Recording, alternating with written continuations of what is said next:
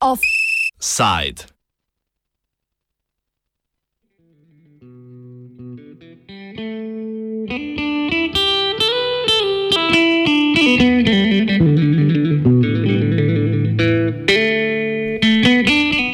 Gergerat sprožil rad.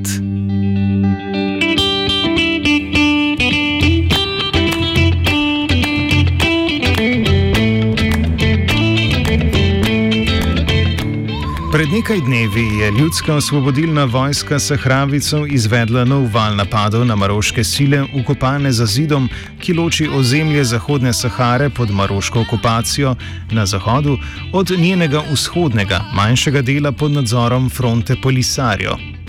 Vojno je fronta razglasila 14. novembra, dan potem, ko so maroške sile ukorakale na ozemlje nikogaršne zemlje vzhodno od zidu, da bi razgnale protestnike, ki so blokirali mejni prehod Gergerat. Sahravijski civilisti so namreč protestirali proti maroški uporabi prehoda, skozi katerega poteka glavnina blagovnega prometa proti subsaharski Afriki. Ko je maroška vojska prečkala zid, je odreagirala fronta Polisario, da bi zaščitila svoje civilno prebivalstvo ter razglasila konec premirja, ki je med njima veljalo od leta 1991.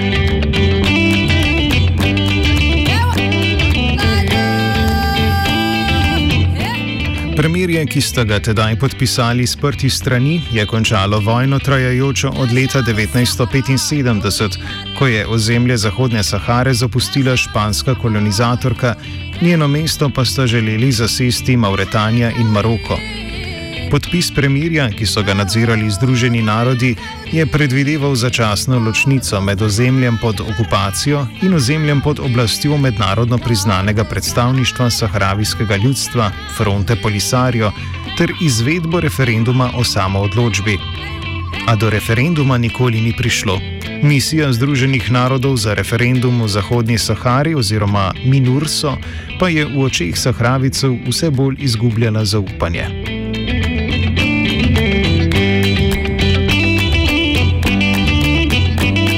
Nedolgo po začetku vojne sta neodobravanje mednarodne skupnosti poželi razglasitev ameriškega predsednika Donalda Trumpa, da priznava maroško okupacijo Zahodne Sahare in vzpostavitev ameriškega veleposlaništva za Maroko v Dakli, mestu v okupirani Zahodni Sahari. V zameno za priznanje okupacije je Maroko normaliziral svoje diplomatske odnose z Izraelom, Kljub Trumpovi potezi pa je status Zahodne Sahare po mednarodnem pravu nedvoumen.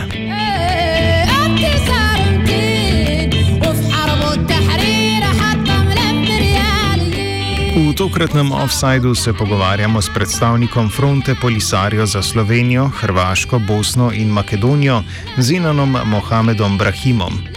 Vabljeni tudi k poslušanju celotnih Brahimovih izjav, dostopnih na naši spletni strani v tem prispevku. Brahima smo vprašali, zakaj je fronta Polisario odstopila od premirja zaradi incidenta v Gergeratu. Je voudrais dire seulement que le mot Gergerat euh, a fait couler dernièrement beaucoup d'encre, euh, mais malheureusement beaucoup de monde Hočem povedati, da je bilo zaradi besede Gergerat prelito že veliko črnila, ampak nažalost nas dan danes Gergerat asocira predvsem na odprto vojno med Polisarijem in Marokom. Pri nas ostaja pregovor, ki pravi, da je zajec prignal merjasca iz skrivališča. Torej, da bi bolje razumeli motiv Gergerata, moramo iti 29 let nazaj, v trenutek, ko sta fronta Polisarijo in Maroko podpisala mirovni mirovni sporazum pod okriljem Združenih narodov 29. aprila 1991. Podpisali smo načrt regulacije o dveh esencialnih in medsebojno nerazločljivo povezanih zahtevah in sicer premirju in referendumu. In eden brez drugega ne gresta. Žal se Maroko ni držal mirovnega načrta, po katerem je premirje zgolj sredstvo za izvedbo referenduma. Takrat je Maroko ustrajal pri podpisu premirja, naša fronta Polisario je bila v poziciji poziciji moči, saj je naša vojska takrat držala v oblasti večino mest južno od Maroka. Ako nam je takrat Unija ponudila premirje, smo sprejeli, saj nam je obljubila izvedbo referenduma o samo odločbi v roku devetih mesecev, torej januarja 1992. A, kot veste, je Unija ostala tiho 29 let, ne da bi kaj naredila. Po 29 letih čakanja v situaciji ne vojne, ne miru in 29 letih kopičanja resolucij Združenih narodov, ki žal nikoli niso bile spoštovane, je ljudstvo Sahravicev povsem pošlo potrpljenje. Zato so se sahravijski civilisti, ki so izgubili zaupanje v Združene narode, odpravili v Gergerat, da bi zaprli nelegalni prehod, preko katerega Maroko ropa nacionalno bogatstvo. Še več, zavedati se moramo, da Združeni narodi želijo zgolj vzpostaviti status quo, ki je zelo slab. Namesto da bi Minurso izvedla referendum, zaradi katerega je prišla na to področje in nadzirala kršenje človekovih pravic, se je preobrazila v policijo, ki ščiti prečkanje maroških tovornjakov skozi nelegalni prehod, ki se nahaja na osvobojenem ozemlju Sahravicev. Torej, po tej civilni demonstraciji, ki so jo predstavljale večinoma ženske, je Maroko zapustil zid in s tem očitno kršil pogoje premirja in poslal svojo vojsko, da omogoči prehod prometa. Fronta Polisario tako ni imela druge izbire, kot da vzame v roke orožje in reši svoje civilne državljane in na to odstopi od premirja, ki ga je Maroko neštetokrat prekršil brez najmanjše obsodbe Združenih narodov. Če povzamem, je tako 13. novembra Sahravijska vojska ponovno začela oborožen spopad proti maroški vojski vzdolž zidu.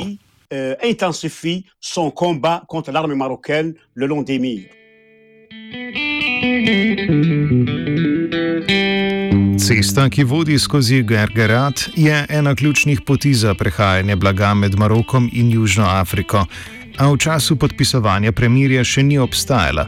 Maroko jo je zgradil leta 2001 in s tem očitno kršil mirovni dogovor. Fronta Polisario takrat sicer ni reagirala, razloži Brahim. Gergerat se truf. Gergerat se nahaja na osvobojenem ozemlju Sahravicev. Ko smo podpisali premirje z Marokom, so Združeni narodi določili črto, preko katere ne smeta nasprotni si vojski. Gergerat se nahaja južno od črte, torej Maroko nima nobene pravice, da bi prečkali zid. Na drugi strani tudi sile Polisarja ne smejo čez zid. Kljub temu, da je na naši strani, so Združeni narodi Gergerat označili za nikogaršnjo zemljo. Maroko je tam odprl prehod leta 2000. 2001, predtem ga ni bilo. Ko smo podpisali premirje, ga ni bilo. A ko je Maroko odprl ta prehod, nismo reagirali, saj smo mislili, da bodo Združeni narodi spoštovali svojo vlogo in organizirali referendum. Še vedno smo čakali, vsako leto so Združeni narodi objavili resolucijo, ki nam je rekla, da bo naslednje leto prišlo do rešitve. 29 let smo čakali, sedaj pa Saharavici, še posebej mladina, nimamo nobenega zaupanja v Združene narode. Maroko je zapustil zid v očitnem kršenju dogovora, ki ga ni nihče obsodil, zato smo mi našo prihodnost vzeli v svoje roke in poprijeli za orožje proti Maroku. Ta prehod je nelegalen, je vzhodno od zidu in zato na ozemlju policije. Polisaria. Maroko jo je odprl zato, da je vsak dan odpošiljal 300-400 tovornjakov blaga v subsaharsko Afriko. In ta tovor v veliki meri predstavlja oropano bogatstvo Zahodne Sahare. To, kar se sedaj dogaja v Sahelu, v Maliju, teroristična vojna, tam je leta 2017 Komisija Združenih narodov objavila poročilo, v katerem brez dvoma ugotavlja, da večino droge, ki je v obtoku v Maliju in tej regiji, prihaja iz Maroka. Maroko to prodaja prav z namenom okrepitve svoje okupacije in jo izkorišča, pa tudi migranti, ki potujejo proti Maroku, prečkajo skozi ta prehod. Zato je ta prehod med Marokom in Afriko zelo pomemben in tudi veliko evropskega blaga, namenjenega v subsaharsko Afriko, prečka skozen. A ta prehod prečka naše ozemlje, ozemlje Sahravicev, ozemlje, ki so ga Združeni narodi označili za neautonomnega in posledično nima Maroko nobene pravice, da bi skozen pošiljal prihajajo blago iz Zahodne Sahare in iz Evrope.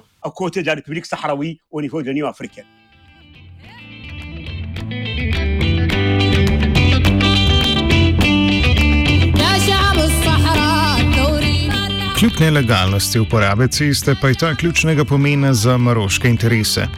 Prenos blaga je le eden izmed njih. A ne le cesta, sama okupacija se Maroku izjemno obrastuje, saj se zaradi nje okorišča z naravnimi bogatstvi, ki jih je v Zahodni Sahari na pretek.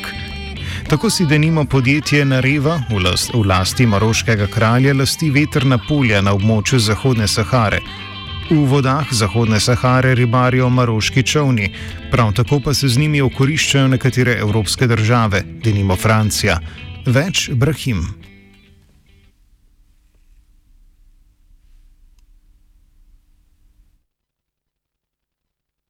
Le, le Maroc aussi. Maroko si želi okno do Južne Afrike, a tudi samo Zahodno Saharo, ki je ena največjih proizvajalk fosfata na svetu in Maroko ima prednost, saj ga ekstrahira dokaj odprto. Dalje imamo obalo, ki je ena najbolj bogatih z ribami v Atlantskem oceanu. Dalje, kar se tiče maroških interesov v političnem smislu, okupacija krepi kralja. Dalje ima strateške interese, da nimo, da ima okno v subsaharski svet in direktno povezavo do Črne Afrike. Kar se tiče ekonomskih interesov, je ta država izjemno bogata. Vsi pravijo, da bi bila Zahodna Sahara, če bi bila neodvisna, se Maroko ne bi mogel okoriščati z njenim bogatstvom. In še ena opaža opaska, če bi Sahara postala neodvisna, bi Maroko izgubil enega svojih največjih virov bogatstva - migracijo. Migranti morajo namreč prečkati Zahodno Saharo. Tako bi Maroko izgubil možnost izsiljevanja Evrope, naj mu nameni denar za zadrževanje tolikšnega števila migrantov. Vsakeč, ko ne dobi od Evrope, česar želi, migrantom olajša prečkanje meje, igra na karto migracij. Vse to bi izgubil ob morebitni osamosvojitvi Zahodne Sahare, zaradi vsega tega je tudi odprl nelegalni prehod čez Gergerat.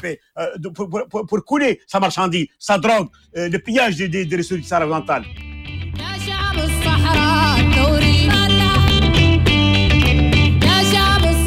Maroko, prek njega pa marsikatera evropska sila izkorišča naravno bogatstvo Zahodne Sahare, kar je po mednarodnem pravu nelegalno. Prav tako eklatantna kršitev mednarodnega prava je naseljevanje maroških naseljencev na ozemlje Zahodne Sahare, ki ga Maroko izvaja že od leta 1975. Leta 2015 so tako po ocenah okoli dve tretjini 500 tisočih saharskih prebivalcev tvorili maroški naseljenci. Takšna taktika je postala posebej priljubljena v času čakanja na Godoja nesojenega referenduma, saj je Maroko načrtoval, da bi spremenjena sestava saharskega prebivalstva spreobrnila rezultat glasovanja.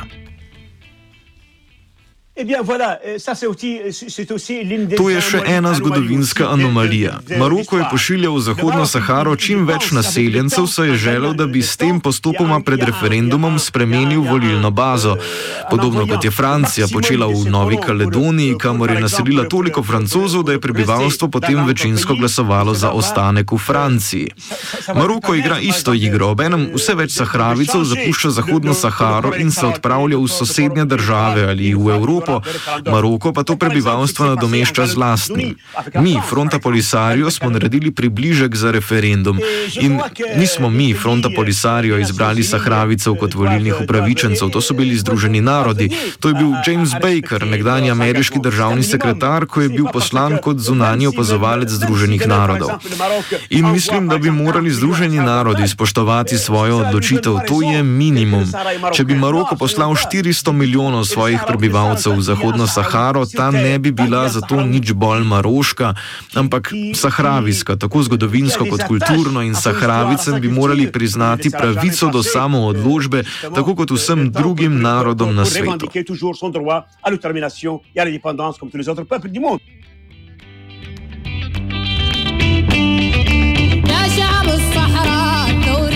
Medtem je politika maroških oblasti do sahravijskega prebivalstva izjemno represivna. Številni sahravijski aktivisti pa so bili v maroških zaporih podvrženi mučenju in kršenju človekovih pravic. Kljub temu so Združene države Amerike v zadnjih tednih Trumpovega predsedovanja priznale suverenost Maroka nad ozemljem Zahodne Sahare. Brahima smo vprašali, kako komentira ameriško-maroški dogovor. L'accord Trump, Maroc-Trump Dogovor med Trumpom in Marokom je bil deležen obsodbe strani večine držav in mednarodnih organizacij. Maroko misli, da bo en preprost Trumpov tweet legitimiral njegovo okupacijo, čeprav bo v treh tednih spakiral kavčke in zapustil Belo hišo. Nismo proti, da Maroko otopli odnose z Izraelom, a smo proti, da ima našo državo na prodaj. In dalje je to kot menjava dveh tatov. Na eni strani imate Izrael, ki okupira Palestino, in Maroko, ki okupira Zahodno Saharo. Obe okupaciji mednarodna skupnost obsoja, torej sta dve okupatorici sklenili dogovor.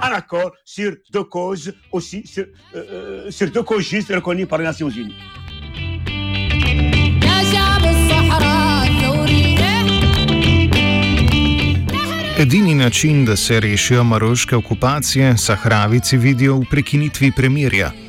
A zelo vprašljivo ostaja, ali ima fronta Polisario dovolj kapacitet, da Maroko premaga na bojnem polju.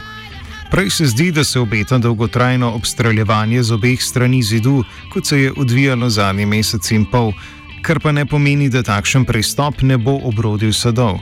Maroko si namreč vojne ne želi, saj bi lahko prekinila ali zmotila tok turistov, migrantov in blaga po Zahodni Sahari. Današnji offside zaključi Brahim, ki smo ga vprašali, pod kakšnimi pogoji bi se bila fronta Polisario pripravljena pogajati z Marokom.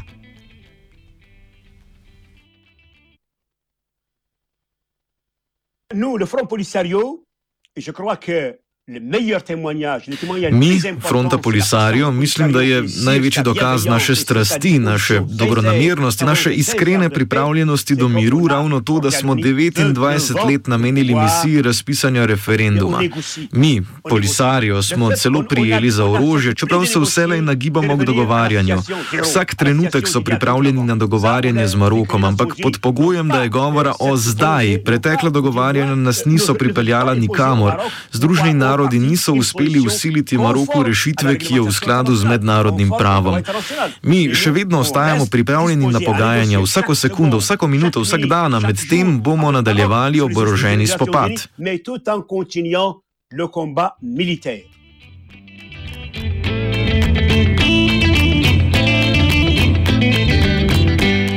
Offside je pripravila Zala. Prevajati sta pomagala Geja in Andrej.